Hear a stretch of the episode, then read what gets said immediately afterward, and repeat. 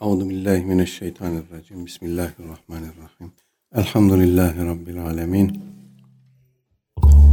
Ves salatu vesselamu ala Resulina ve seyyidina Muhammedin ve ala alihi ve sahbihi ecmain. Geçen e, hafta Ehli Beyt başlığını vesile edinerek e, bu söylem üzerinden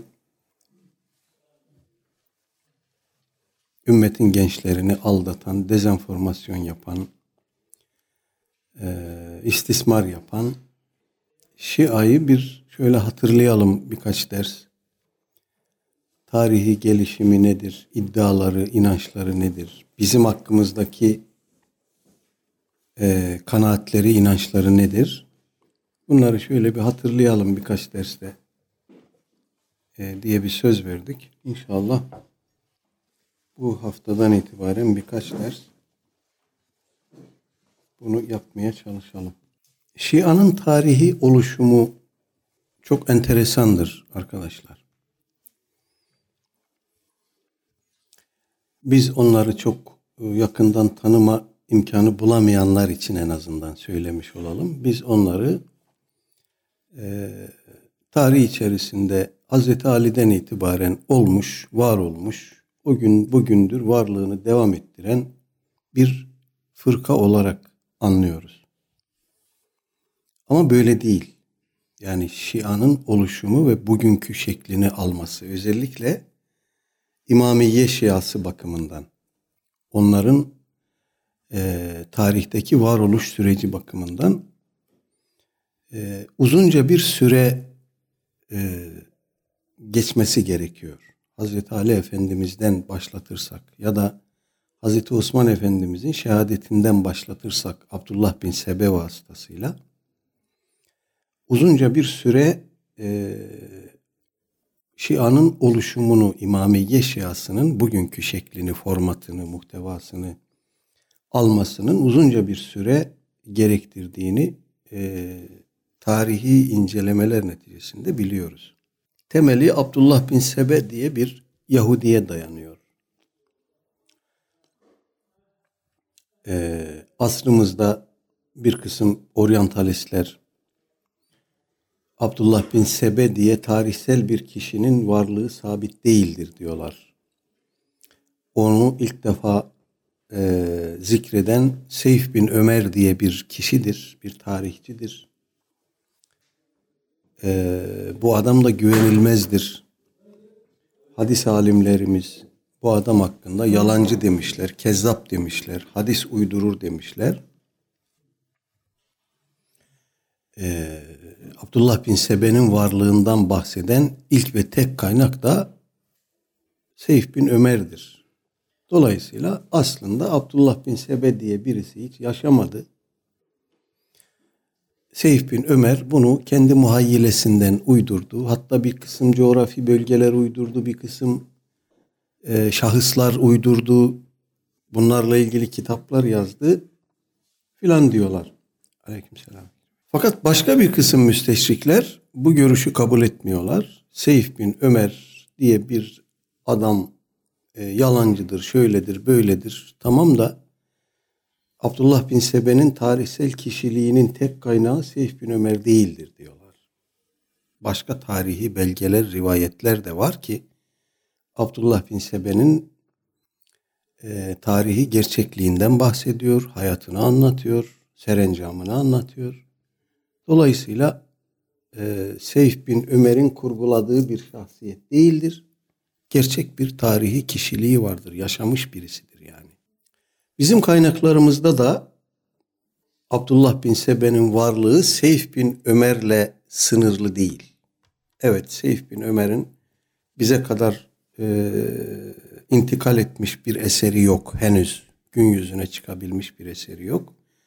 Ondan İmam Taberi alıntılarda bulunuyor tef, e, tarihinde. E, o vesileyle haberdar oluyoruz. Seyf bin Ömer'den ve onun rivayetlerinden. Fakat tek kaynak dediğim gibi bu değil. Başka Milel Nihel kitaplarımız yani itikadi fırkaları anlatan e, kaynaklarımız. bu zatın varlığından bahsediyor. Bunun adına nispetle Sebeiye diye bir fırkanın varlığından bahsediyor. Dolayısıyla böyle bir zat yaşadı. Abdullah bin Sebe diye bir adam yaşadı. Bunu sadece bizim kaynaklarımızda görüyor da değiliz. İmamiye Şiasının kaynak olarak kullandığı kitaplarda da görüyoruz. Gerek Milel Nihal kitaplarında, gerek rivayet kitaplarında Abdullah bin Sebe, İbni Sebe, İbni Sevda gibi isimlerle bu zatı görüyoruz İmamiye'nin kendi kaynaklarında. Peki İmamiye bu zatın varlığının niye inkar etmek için böyle çırpınıyor, kıvranıyor? Çünkü İmamiye'nin itikat haline getirdiği bir kısım görüşleri tarihsel olarak önce Abdullah bin Sebe gündeme getirdi. Ondan yayılarak geldi. Nedir bunlar? Bir kere ilk bir Yemen Yahudisi bu adam. Ee, ilk defa Müslüman olduğunda ümmetin içine girdiğinde e, Hazreti İsa'nın gökyüzüne çekilip geri gelecek olmasından hareketle diyor ki İsa mı üstündür Muhammed mi? Her ikisine de salat ve selam olsun. Tabii ki Muhammed üstündür. Bizim peygamberimiz üstündür. E peki İsa'nın geri geleceğine inanıyorsunuz da bizim peygamberimiz ondan aşağı mı ki geri gelmesin? O da geri gelecek. İlk defa böyle bir inancı ortaya attığını görüyoruz. Bu propaganda e, belli bir kitle üzerinde etkili oluyor. Evet. Hatta öncesinde Hazreti Osman'ın şehadetinde bu adamın fitnelerinin rolü olduğu tarihen sabittir. Yani Irak coğrafyasında, Mısır coğrafyasında, e, Şam coğrafyasında çok yerleri geziyor. Oralarda propagandalar yapıyor, sohbetler düzenliyor ve halkı Hazreti Osman aleyhine kışkırtıyor. Bu kışkırtmaların içinde merkezinde Abdullah bin Sebe var. O işi başardıktan sonra bu defa Hazreti Ali'nin yanında görüyoruz onu. Onun etrafında dolaşıyor. Ve propagandaya böyle başlıyor. Efendimizin geri geleceğini söyleyerek başlıyor. Ayağı yer tuttuktan sonra e, Hazreti Ali'nin Allah tarafından görevlendirildiğini, hatta Cenab-ı Hakk'ın ruhunun önce Efendimiz'e ondan Hazreti Ali'ye intikal ettiğini iddia etmeye başlıyor. Hazreti Ali'ye bir nevi ilahlık atfediyor. Bu e, fecaat Hazreti Ali'nin kulağına gittiğinde çağırıyor onu. Tövbeye davet ediyor. Tövbe etmezsen seni ateşe atar yakarım diyor. O da geri dönüyor kitleye. Bakın diyor işte ben ilah olduğunu söylüyordum. Ali'nin bana inanmıyordunuz. İnsanları ateşin azabıyla kim azaplandırır? Ancak bir ilah. Bakın işte bu da benim söylediğimin ispatıdır. Hazreti Ali onu öldürmeyi hatta bir rivayette ateşe atarak yakmayı e, düşünürken istişare ediyor etrafındaki arkadaşlarıyla. Onlar diyorlar ki karşı taraf der ki Ali kendi adamlarını ateşe atarak yakmaya başladı. Bu senin için iyi bir propaganda olmaz. Onu öyle yapma da sürgün et. Ve onu Hazreti Ali bir rivayette Medain'e sürgün ediyor Abdullah bin Sebe'yi. Fakat Efendimiz Aleyhisselatü Vesselam için ilk defa gündeme getirdiği mutlaka geri gelecek inancı, biz buna rec'at diyoruz. Rec'at inancı Hazreti Ali için de bir defa söylendi ve yayılmaya başladı. Hazreti Ali'de Allah'ın ruhu vardır. O ölmez, gaybete çekilir. Mutlaka geri gelecektir şeklindeki inanç. Yani herhangi bir insanın vefat ettikten sonra o aslında ölmedi, gaybet alemine çekildi ve geri gelecektir şeklinde propaganda edilmesi ilk defa Abdullah bin Sebe marifetiyle yayıldı. Bir kısım insanlar diyorlar ki yani bu inanç evet saçmadır. Ama unutmayın ki ehli sünnet itikadında bunun da bir yeri vardır. Siz bunu İsa Aleyhisselam için söylüyorsunuz mesela. İsa Aleyhisselam ölmedi, göğe çekildi, kıyamete yakın geri gelecek demiyor musunuz? Diyorsunuz. Dolayısıyla onu kabul edince bunu da bir yere oturtmak zorunda kalırsınız. Diyorlar. Ee, ve bu inancın İslam itikadına Hristiyanlıktan geçtiğini ileri sürüyor. Özellikle günümüzde pek çok modernist araştırmacı, pek çok akademisyen, kelam alanında çalışan pek çok kimse bunu bu şekilde ifade eder. Dolayısıyla recat inancının kaynağını belki buraya bağlamak isterler. Dolayısıyla onu da reddederler, bunu da reddederler. Bu iş arkadaşlar başlı başına bir ders konusudur. Biz burada Tahavi akidesi okurken İsa Aleyhisselam'ın e, nüzulünden, ref'inden ve nüzulünden bahsetmiştik. Onunla ilgili geniş geniş e, ders yapmıştık. Kayıtları internette vardır oradan izleyebilirsiniz. Ama yani o teknik tartışmalar, deliller, delillerin tartışılması filan bir tarafa genel olarak ümmete bu ahir zamanda arız olan bir psikolojidir bu. İslam öncesi herhangi bir dinde, bir inanç sisteminde bir unsur varsa, onun benzeri İslam'da da varsa, bu oradan İslam'a geçmiştir şeklinde bir peşinci okuma biçimi, inanma biçimi ve iddia çok yaygın biliyorsunuz. Hatta bir ara aklı evvelin biri namazın da Yahudilerden bize geçtiğini iddia etmişti. Onunla ilgili de bir şeyler söylemiştik. O teknik tartışma bir tarafa bu e, eziklik psikolojisi e, bize şunu söylemek zorunda. Bir şeyi iddia etmek kolaydır. Falan filan olmuştur. A, B olmuştur. İslam'a oradan geçmiştir. Bunu iddia etmek kolaydır söylersiniz. Peki ispatı? Bunu şu ana kadar ben ilgilenebildiğim kadar, araştırabildiğim kadar herhangi bir vesikadan somut herhangi bir delilden, belgeden hareketle ortaya koyabildiklerini görmedim. Bu bir iddia olarak devam edip geliyor. İslam'a Hristiyanlıktan geçmiştir. İspat? İspat yok. Arkadaşlar dinler, inançlar, kültürler birbirini etkiler. Bu doğrudur. Fakat bu etkileme ve etkilenme süreci nasıl işler? Baskın olan unsur ezik olan unsuru etkiler. Her zaman böyledir. Hangi unsur baskınsa, galipse, hakimse, egemense o etkileyendir. Onun hegemonyası altında bulunan ezikler kitlesi de etkilenendir. Bu böyle olmuştur her zaman. Biz şimdi batıdan etkileniyoruz.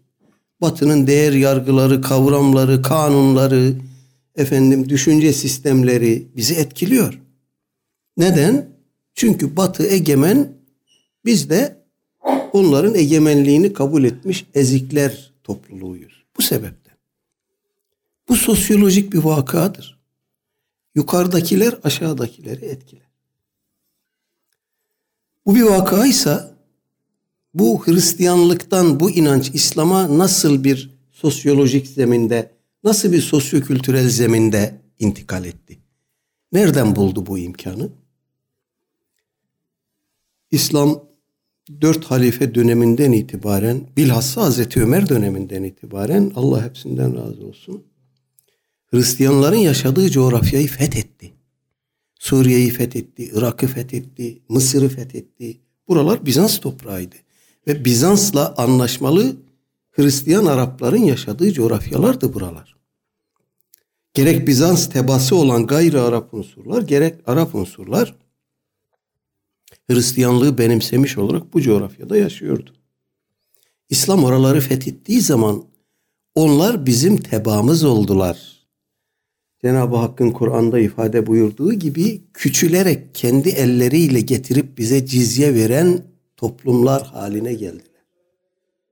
Biz onlara şart koyuyorduk. Hazreti Ömer döneminde buralar fethedildiğinde şurutu Ömeriye diye bir şey var. Sünnet-i Seniyye'den kaynaklanan fethedilen arazilerde yaşayan oranın yerli halkına nasıl yaşayacaklarına dair fetihten sonra bir nizamnamedir bu.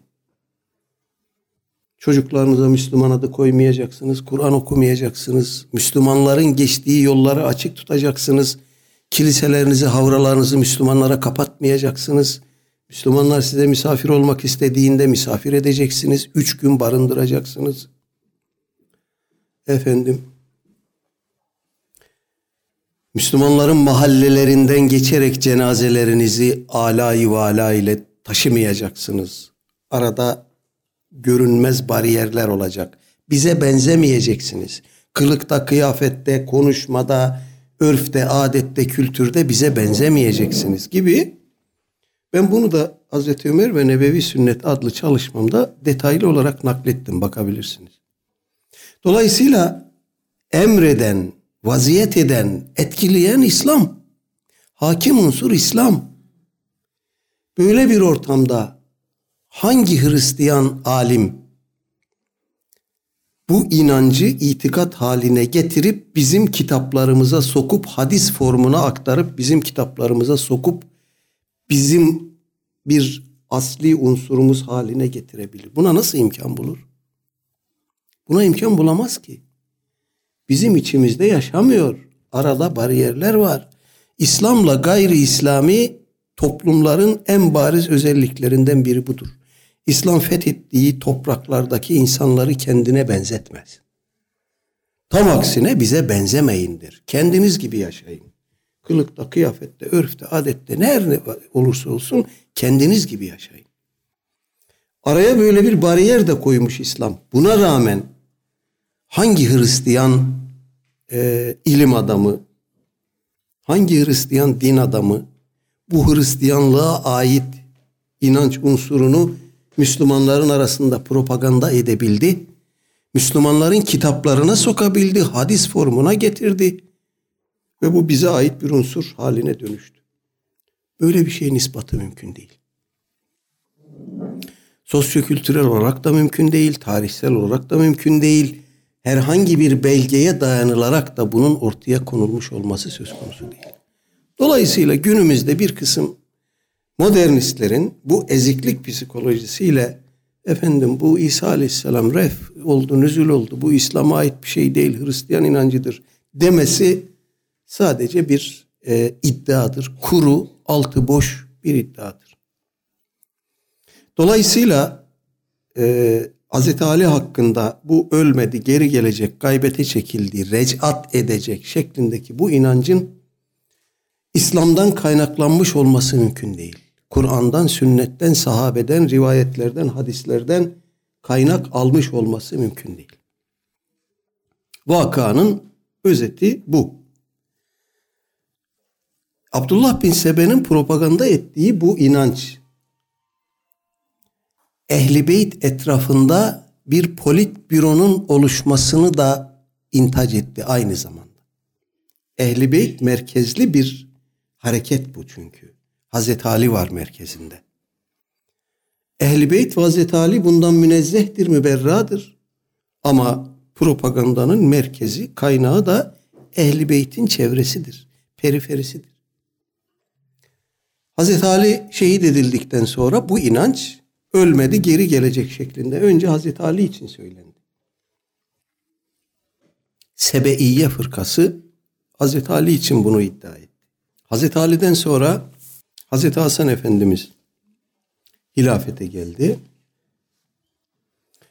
Ee, orada çok enteresan şeyler oldu gerçekten. Hazreti Hasan önce 12 bin kişilik bir ordu hazırladı ve Hazreti Muaviye'nin üzerine Şam'a doğru gönderdi. Yalnız onlara bir şey söyledi. Dedi ki karşı taraf size saldırmazsa siz saldırmayın. Hazreti Hasan'ın niyeti savaşmak değil. Çünkü Sıffin'i gördü. Cemel'i gördü.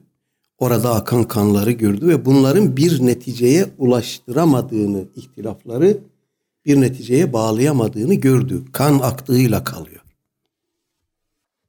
Dolayısıyla dedi ki onlar size saldırmazsa siz saldırmayın. Sonra bir hutbe irad etti. O hutbede de bu görüşlerini dile getirdi. Arkasından e, Hz. Muaviye ile haberleşmeler, mektuplaşmalar, elçi göndermeler filan derken bir barış ortamı oluştu. Hilafeti Hazreti Hasan Hazreti Muaviye'ye devretti. Bunu Aleyhisselatü Vesselam Efendimiz de haber vermişti zaten. Benim bu oğlum Seyyid'dir. Allah onun vesilesiyle ümmetimden iki büyük fırka, iki büyük kitlenin arasını bulacaktır diye Efendimiz haber vermişti. Hazreti Hasan'ın bu girişimi bütün ümmet tarafından sevinçle karşılandı, takdirle karşılandı. Hatta o seneye amul cemaa dediler. Birlik yılı, toplanma yılı, beraberlik yılı. Fakat arkadaşlar bu işten bir tek kitle rahatsız oldu. Şam ehli Hazreti Muaviye ve onun taraftarları memnun. Hazreti Hasan ve onun taraftarları memnun. Sahabe-i kiram memnun. Tabi-i nizam memnun. Bir kitle, bir kısım insanlar bundan gayri memnun. Hazreti Hasan bu anlaşmayı imzalayınca çadırına girdiler, namaz kılıyordu. Altından seccadesini çektiler. Üstünden şalını çekti, aldılar. Hakaret ederek efendim Hazreti Hasan baktı ki bunlar bana, bana zarar verecek.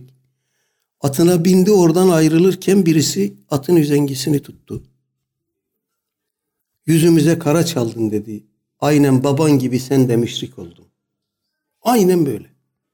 Yüzümüze kara çaldın, baban gibi sen de müşrik oldun dedi ve hançerini çekerek Hazreti Hasan'ın baldırına sapladı. Bıçak kemiğe kadar gitti. Hazreti Hasan kılıcını çekti. Bu adama bir vurdu. Bu yere düştü. Yaralandı. Sonra Hazreti Hasan'ın yakın arkadaşları geldiler. Onu alarak oradan uzaklaştırdılar. Ondan sonra Hazreti Hasan'ı çarşıda pazarda görenler bu politbüroya mensup olanlar Hazreti Hasan'a şöyle selam veriyordu. Esselamu aleyke ya müsevvide vucuhil mu'minin. Selam senin üzerine olsun ey Müslümanların alnına kara çalan adam. Hazreti Hasan'a böyle selam veriyorlardı. Arkadaşlar kim bunlar? Ümmetin her kesimi bu işten memnunken, memnunken, mutluyken, Hazreti Hasan'ı tebrik ediyorken bu adamlar niye rahatsız?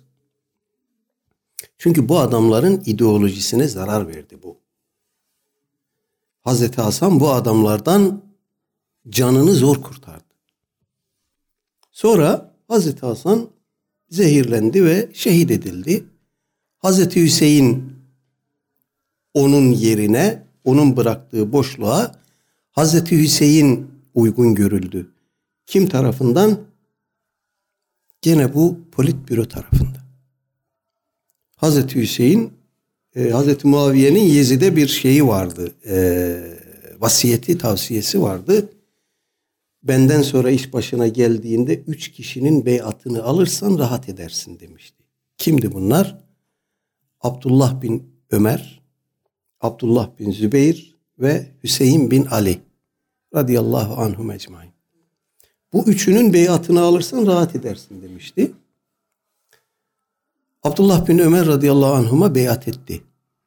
Abdullah bin Zübeyir beyat etmedi. Medine'den Mekke'ye gitti. Hazreti Hüseyin de zaman kazanmak için efendim muallakta bir tavır benimsedi. Ve o da bir gece Mekke'yi mükerremeye geçti. Oradan Hazreti Hüseyin'in Mekke'ye geçtiğini duyanlar Hazreti Hüseyin'e mektuplar göndermeye başladılar.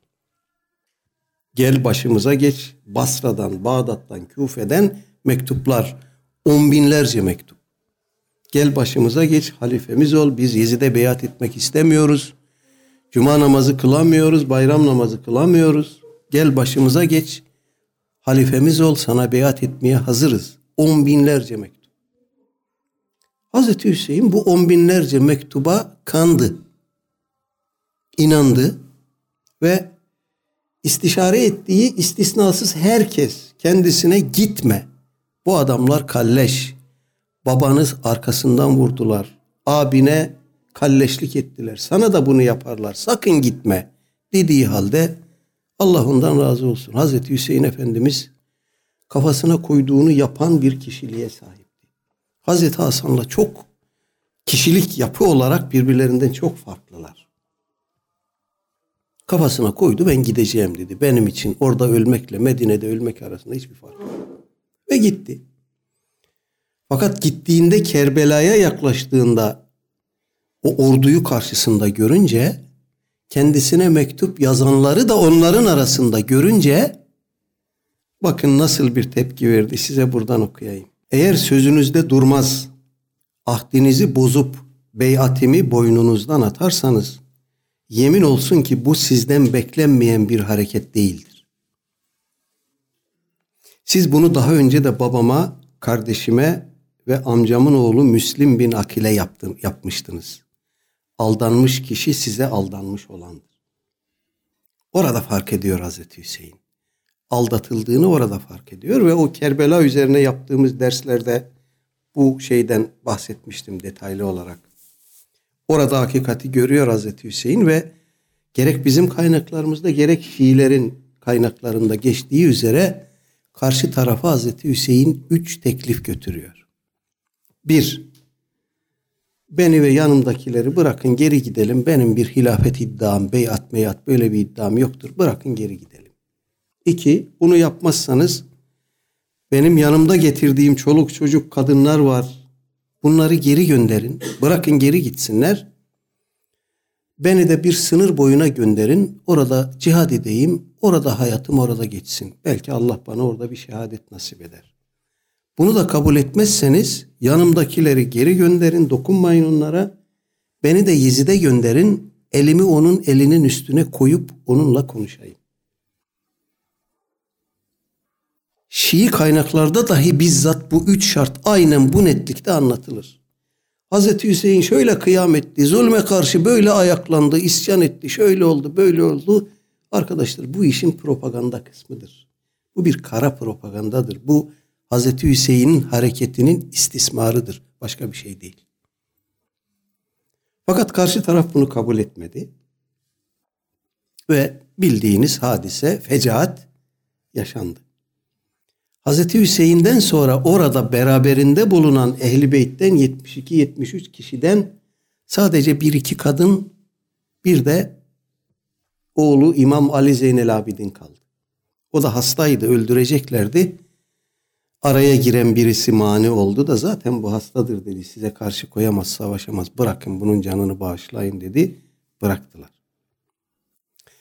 Onlar elleri kolları bağlanmış vaziyette Küfe'ye götürülürken bakın İmam Ali Zeynel Abidin yanına gelip vurunup dövünüp çırpınarak ağlayanlara nasıl hitap ediyor? Siz bizim için ağıt yakıp ağlıyor musunuz? Peki bizi katledenler kimdi? Yani hem bizi çağırıyorsunuz, geliyoruz, kalleşlik edip karşı tarafa geçiyorsunuz. Sonra bize kılıç sallıyorsunuz, bizi öldürüyorsunuz. Sonra da oturup ağlıyorsunuz.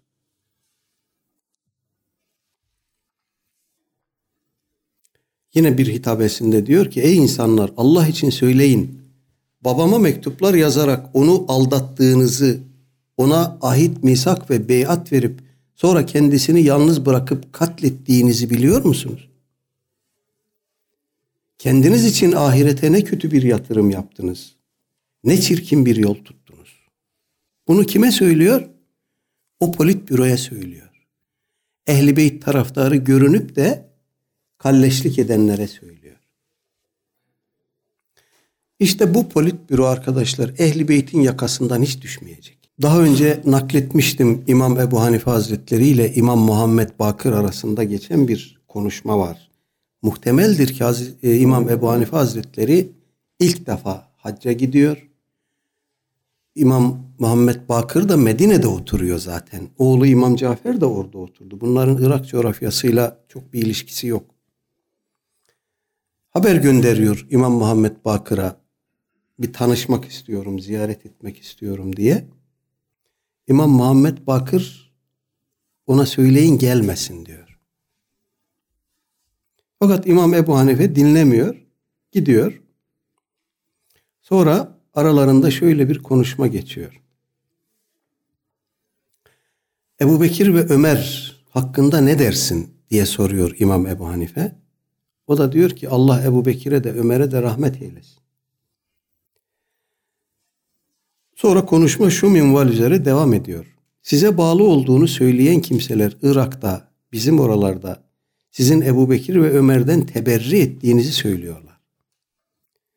Maazallah Kabe'nin Rabbine yemin olsun ki yalan söylemişler. Ali radıyallahu anh'ın öz kızını Fatıma'dan olma Ümmü Gülsüm'ü Ömer bin Hattab'la evlendirdiğini bilmiyor musun? Bu meseleye seminerimiz içinde inşallah tekrar döneceğiz. Burada da bir fecaat var çünkü. Ümmü Gülsüm'ün kim olduğunu biliyor musun? Ninesi cennet kadınlarının efendisi Hatice, dedesi nebilerin sonuncusu, Resullerin önderi, alemlerin Rabbinin elçisi Resulullah sallallahu aleyhi ve sellem, annesi alemlerin kadınlarının efendisi Fatıma, kardeşleri cennet gençlerinin efendileri Hasan ve Hüseyin, babası İslam'da şeref ve mansıp sahibi Ali bin Ebu Talip'tir. Ömer Ümmü Gülsüm'e kocalığa ehil olmasaydı babası onu Ömer'le Ömer'le evlendirmezdi. İmam Ebu Hanife bu defa diyor ki onlara yani sizin adınıza bu yalan propagandayı yayanlara hitaben bir mektup yazıp bu yalandan teberri etseniz. O da diyor ki onlar mektupla söz dinlemiyor. İşte sen ben sana bizzat meclisime gelme dediğim halde sen beni dinlemedin. Onların benim mektubumu dinleyeceğini mi düşünüyorsun?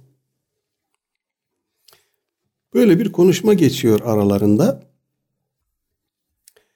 Ee, İmam Muhammed Bakır da dahil olmak üzere ondan sonraki bütün evladı bu politbürodan yaka silkiyor. Bunlardan el hazer ediyor ama kurtulamıyor. Bunlar böyle yapışmış bir kitle. Peki dertleri ne? Dertleri ehli beyti istismar ederek kendi ideolojilerini din haline getirmek. Bir e, ümmeti parçalamak ve bir hakimiyet alanı oluşturmak. Dertleri bu. İmam Muhammed Bakır e, bu politbüro ile bağlantılı olarak şöyle bir yakınmada da bulunuyor. Muammer bin Yahya bin Salim diye bir e, talebesi ya da bir yakını onun meclisine gidip gelen birisi soruyor. Küfeliler Hazreti Ali'den şöyle dediğini rivayet ediyor. Bana sövmeye ve benden teberri etmeye çağrılacaksınız.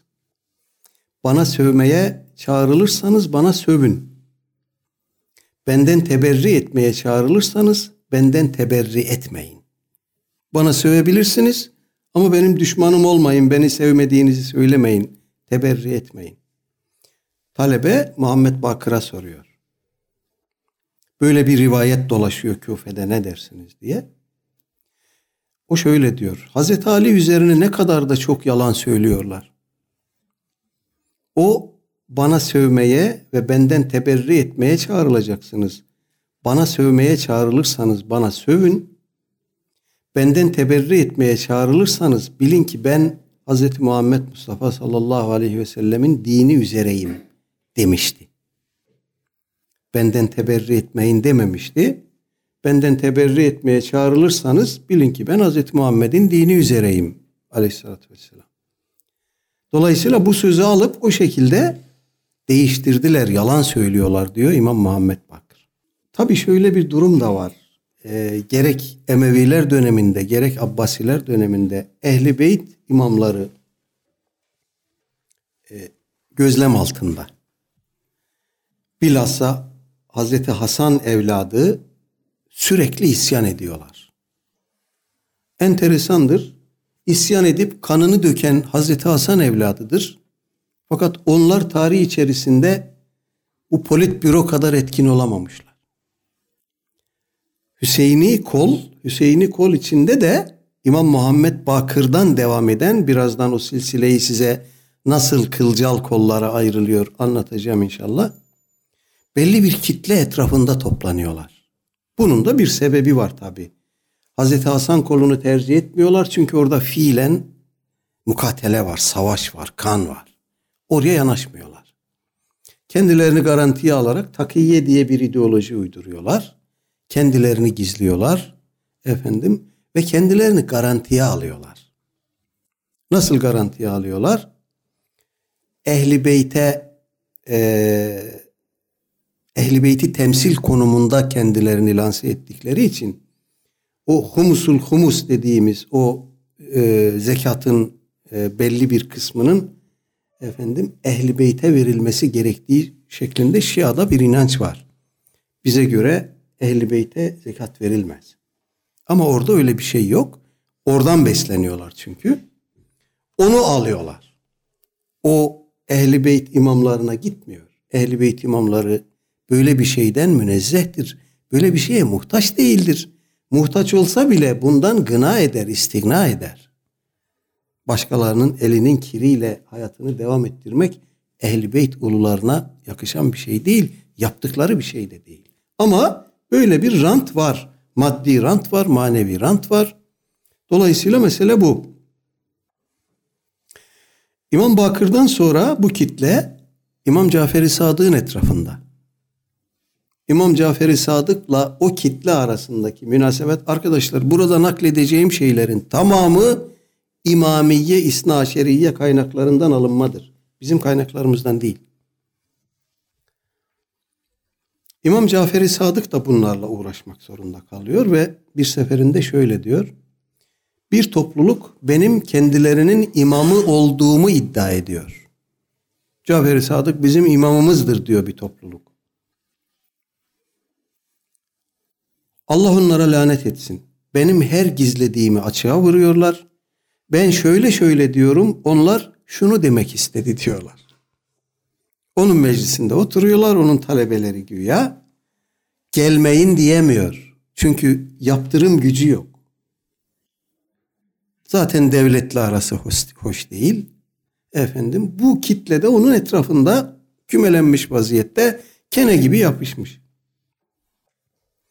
Bir diğer olayda gene imami kaynakların nakline göre Feyz el-Muhtar diye birisi İmam Cafer'e şöyle bir soru soruyor. Canım yoluna feda olsun. Sizin şianız arasındaki bu ihtilaf nedir? Şia taraftar demek malum. Hangi ihtilaftan bahsediyorsun ey Feyz? Küfe'de onların ilim halkalarına iştirak ediyorum. Tutarsızlıkları sebebiyle neredeyse hadislerinden şüpheye düşeceğim. Neyse ki Mufaddal bin Ömer'e gidiyorum da o içimi rahatlatıyor ve kalbime itminan veriyor. İmam Cafer diyor ki evet hadise dediğin gibi ey Feyz insanlar bizim üzerimizden yalan uydurmaya pek düşkün. Sanki bunu onlara Allah farz kılmış ve onlardan bundan başkasını istemiyormuş gibi. Ben onlardan birine bir hadis naklediyorum. Onu olmayacak tarzda tevil etmeden yanımdan çıkmıyor. Yanında yapıyor o işi yani. Çünkü onlar bizim hadislerimizden de, bizim muhabbetimizden de, Allah indindekinden de farklı bir beklenti içindeler. Onlar sadece dünyayı arzuluyor ve her biri riyaset sevdasında. İmam Cafer de yaka silkiyor bunlardan. İmam Cafer'den sonra e, oğlu İmam Musa Kazım'ın etrafında kümeleniyor bunlar. Fakat öncesinde İmam Muhammed Bakır'dan sonra ayaklanan İmam Zeyd hadisesi var. Ona da bir küçük parantez açalım. İmam Muhammed Bakır'la baba bir, anneleri farklı. Kardeştir İmam Zeyd. Onun küçüğüdür. Efendim e, ayaklanacağı zaman İmam Zeyd bu kitle İmam Zeyd'in yanına gidiyor. Ona diyorlar ki şeyheyn hakkında ne dersin? Hazreti Ebu Bekir ve Hazreti Ömer hakkında ne dersin?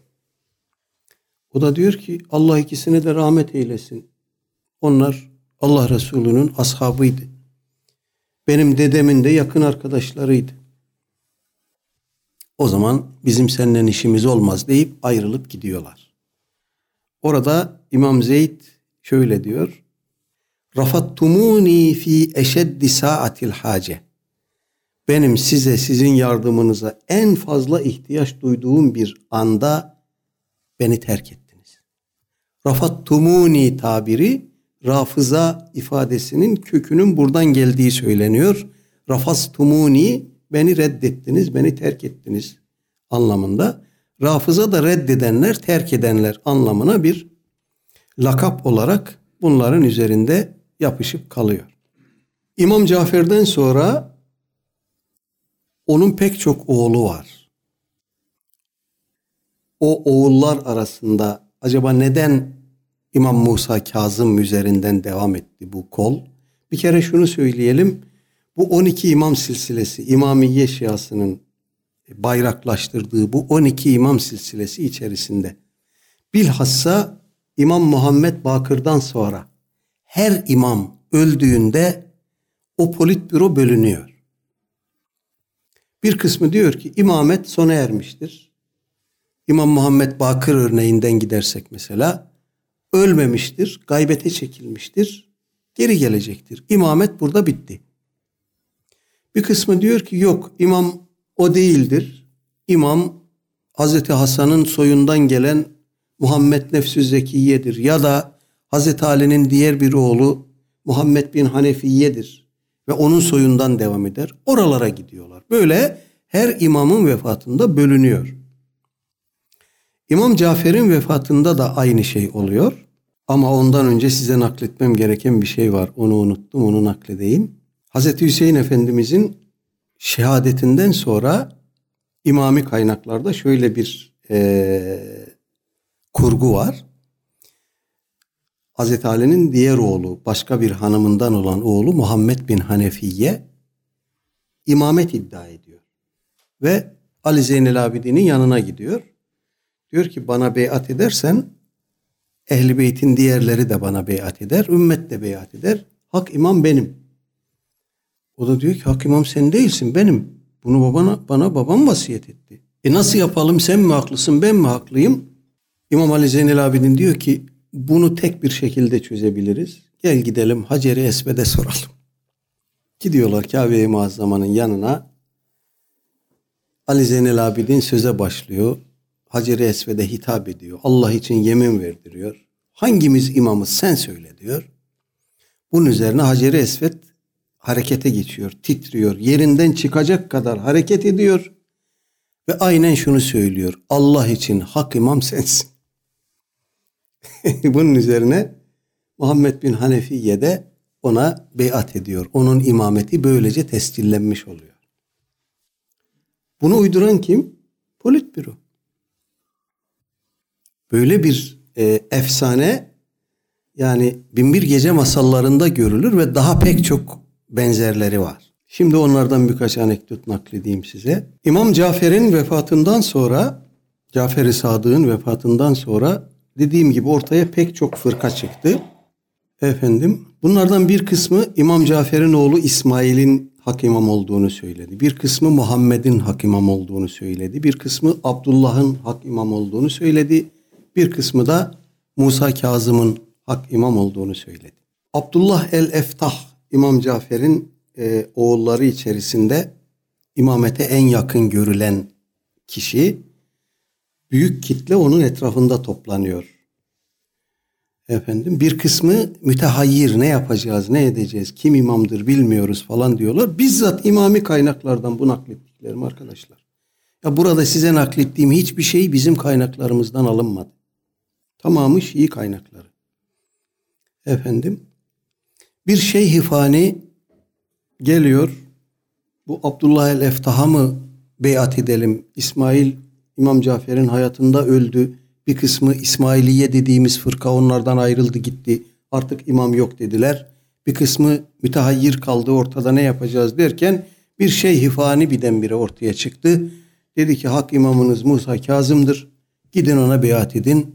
Gittiler Musa Kazım'a beyat ettiler. Musa Kazım vefat ettikten sonra gene bölündüler. Bir kısmı imamet bitti dedi. Musa Kazım son imamdı. Beyat e, gaybete çekildi. Geri gelecek. Efendim Bir kısmı e, İmam Ali Rıza'nın hak imam olduğunu söyledi. Onun arkasından gitti. O bölünme sonrasında büyük kitle İmam Ali Rıza'nın etrafında kaldı. Burada enteresan bir durum var. İmam Ali Rıza e, vefat ettiğinde geriye sadece 7 yaşında bir çocuk bıraktı.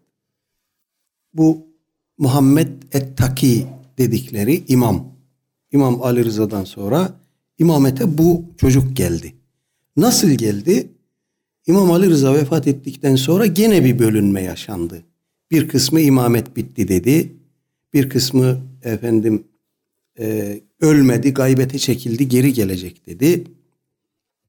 Bir kısmı mütehayyir kaldı derken efendim bu politbüronun ileri gelen alimleri dediler ki burada bir çocuk var. Bu çocuk hak imamdır. Hak imamların e, yaşı sorulmaz. Onların ilmi vehbi olduğu için Allah onlara öğrettiği için bir yaşındaki bir çocuk yüz yaşındaki bir adamdan daha bilgilidir. Gelin bu çocuğu imtihan edelim. Sorularımıza doğru cevap verirse imam budur. Toplandılar alimleri, çocuğu aldılar karşılarına. Ona bir takım sorular sordular. O çatır çatır çatır hepsine cevap verdi. 7 yaşında. Ona beyat ettiler. 10 yaşına geldiğinde kendisine sorulan 30 bin soruya bir mecliste kendisine sorulan 30 bin soruya takır takır cevap verdi ve imametini 10 yaşındayken bir daha tescil etmiş oldu. Bu kadar mı? Değil. O imamete geldi, onun etrafında toplandılar. O da vefat ettiğinde Ali Ennaki diye bir çocuk bıraktı hayatta. O da 6 yaşında. Efendim aynı şey Ali Ennaki için de söylendi. Gelin imtihan edelim dediler. İşte bir yerlerden ulema heyeti toplandı geldiler onu imtihan ettiler. Ona yüzlerce binlerce soru sordular. O soruların hepsini cevapladı ve böylece imam oldu. Muhammed Taki'den sonra Hasan el Askeri etrafında toplandılar. Gene tabi onun diğer evladı üzerinde toplananlar var, ölmediğini söyleyenler var. Bu şey her defasında yaşanıyor. Hasan el Askeri arkadaşlar 260 yılında Hicri 260 yılında vefat etti. O vefat ettikten sonra Abbasi devleti mirasını 7 sene taksim etmedi. Bir erkek evladı olduğuna dair bir söylenti çıktı. Bu erkek evlat var mıdır yok mudur tespit amacıyla 7 sene mirasını taksim etmediler. 7 sene sonra baktılar ki gelen giden yok. Mirasını Cafer isimli bir kardeşi vardı. Ona verdiler. Hasan el Askeri'den sonra 12. imam diye söylenen aslında hiçbir hakikati olmayan, hiçbir zaman dünyaya gelmemiş olan Muhammed Mehdi diye bir muhayyel kişilik uydurdu bu politbüro ve imameti burada noktaladılar. Belki devam ederdi ama Hasan el Askeri bu şekilde evlat erkek evlat bırakmadan vefat edince artık bu işi bir yerde durdurma zarureti ortaya çıktı. Bir muhayyel kişilik uyduruldu. O kişilik imameti babasından nassen devraldı. Bu 11 imam bunların her birinin imameti nasla vahiy ile sabittir. İmami yeşiyasına göre. Öyle beyatla falan olmaz. Onları Allah tayin etmiştir. Efendim e, Efendimiz Aleyhisselatü Vesselam vefat ettikten sonra gene imami efsanelerden birine göre e, Hazreti Fatıma validemiz çok üzüldü. Allah Teala ona Mushaf-ı Fatıma dedikleri bir mushaf indirdi. Bu elimizdeki mushaf değil. Hazreti Fatıma annemizi teselli için indirilmiş vahiylerdir. Orada aynı zamanda onun soyundan gelecek olan imamların adı da tescillidir, kayıtlıdır rivayete göre.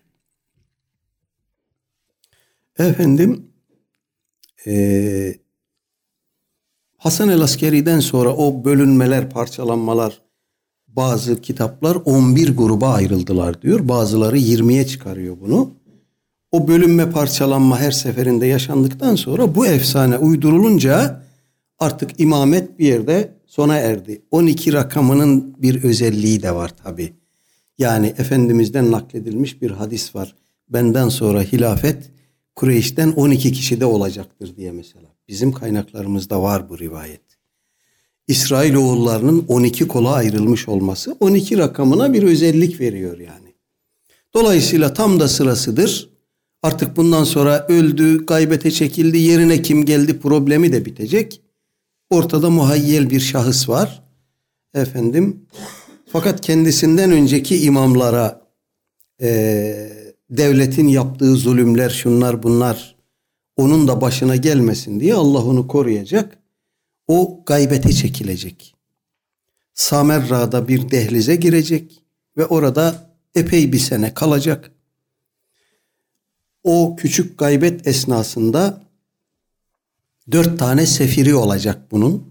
O dört sefir baba oğul birbirinden verasetle bu sefareti alacaklar. Onun adına insanlara onun mesajlarını ulaştıranlar. Ne hikmetse Mehdi gaybete çekildiği söylenen o muhayyel kişiliğin temsilcisi olarak Ehli Beyt'ten hiç kimse yok. O dört sefirin hiçbirisi Ehli Beyt'ten değil. Ve daha enteresan bir şey bu dört sefirin her biri Fars kökenli. Tıpkı Kütübi müelliflerinin Fars kökenli olması gibi. Arkadaşlar daha önce bahsettim kısmen. Detayı için gene internette seminerlerimiz var bakarsınız. Arap Şiiliği ile Fars Şiiliği bu anlamda ciddi çatışmalar tarih içinde de yaşadı bugün de yaşıyor. Size bir yaşayan Arap Şiilerden birisinin e, bir videosundan bir kesit izleteceğim. Yakında bu adamı öldürürler diye korkuyorum. Seyyid olduğu söyleniyor.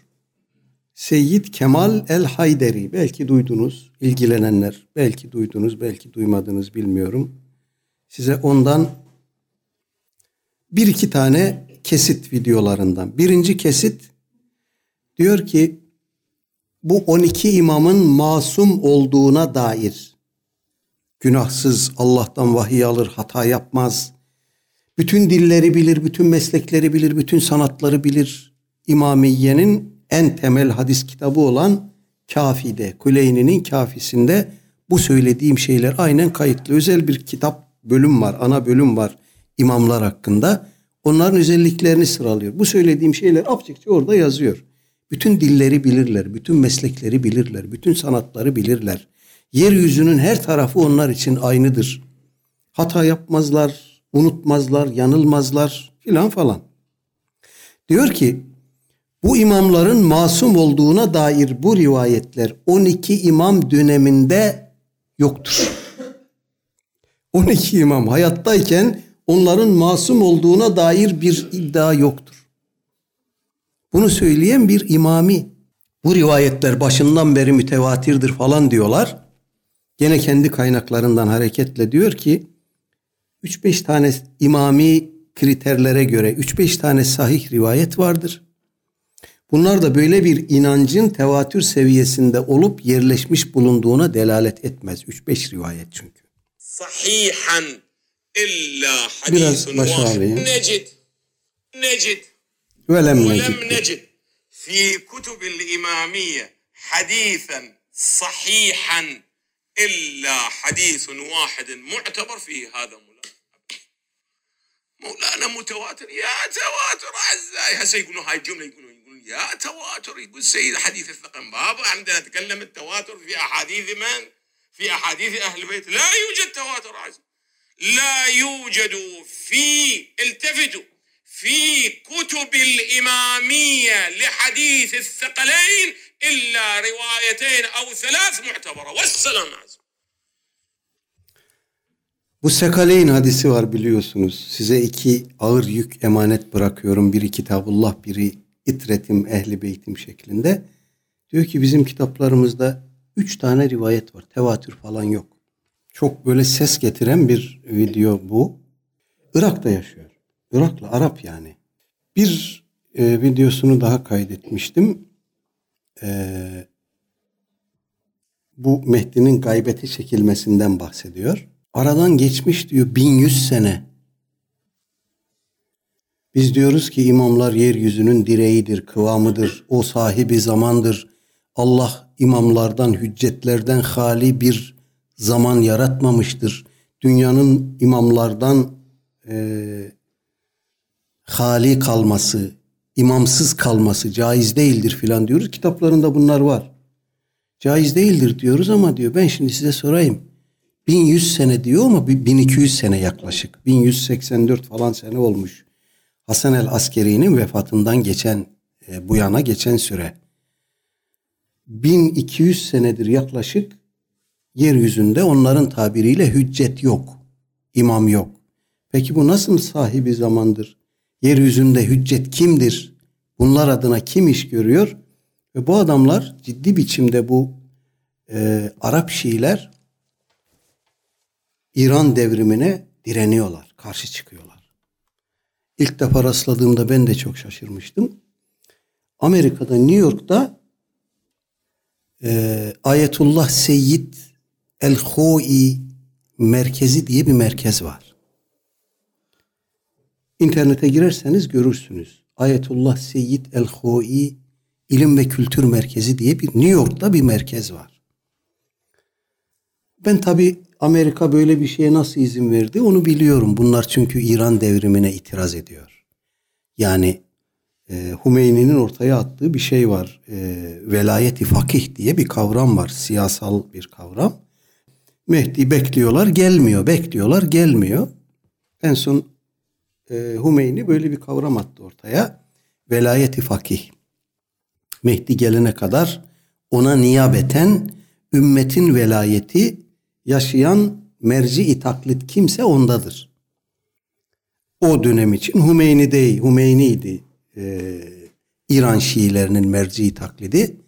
Dolayısıyla onda oldu ve o Mehdi adına böyle bir devlet kurdu. Irak, Irak'taki Şiiler Sistani mesela bu Hoyi'nin talebesidir ve o çizgiyi devam ettiriyor. Sistani'nin Hümeyni'ye söylemediği laf yok. Sahtekardır, yalancıdır, şöyledir, böyledir. Gırla gidiyor videolar internette. Bunlar da imami. Onlar da imami, bunlar da imami. Fakat arkadaşlar imamiye ideolojisinde o Fars etkisi o çok bariz. Onu tespit etmek lazım ve bu nokta üzerine çalışmak lazım. Ben şahsen Türkçe'de Fars Şiiliği ile Arap Şiiliği arasında nasıl bir fark var? Tarihsel kökenleri nereye dayanır?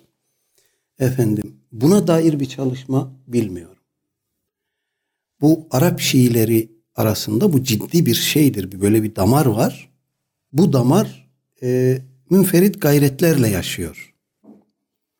E, ama bu damarın üstüne gitmek lazım. Burada ciddi şeyler var. Fakat bizim çok bilgimiz olmuyor bu işlerle e, daha ziyade siyasal bağlamda ilgilendiğimiz için işimiz olmuyor ama bu çok önemli bir şeydir. El mühim e, Mehdi ile birlikte bu şey kapandı. E, imamet silsilesi kapandı. Daha evvel de yine bu akide dersleri bağlamında üzerinde durmuştuk.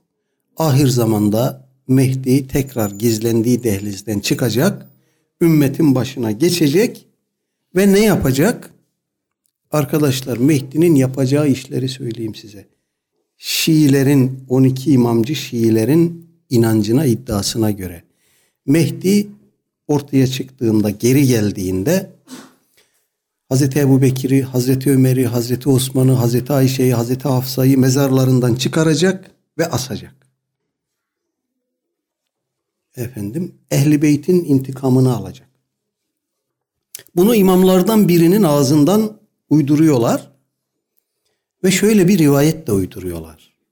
O imam böyle deyince talebelerinden biri diyor ki e, Peygamber Efendimiz Aleyhisselatü Vesselam e, bile böyle bir şey yapmadı. Düşmanları vardı. Onları kabirden çıkarmadı, asmadı.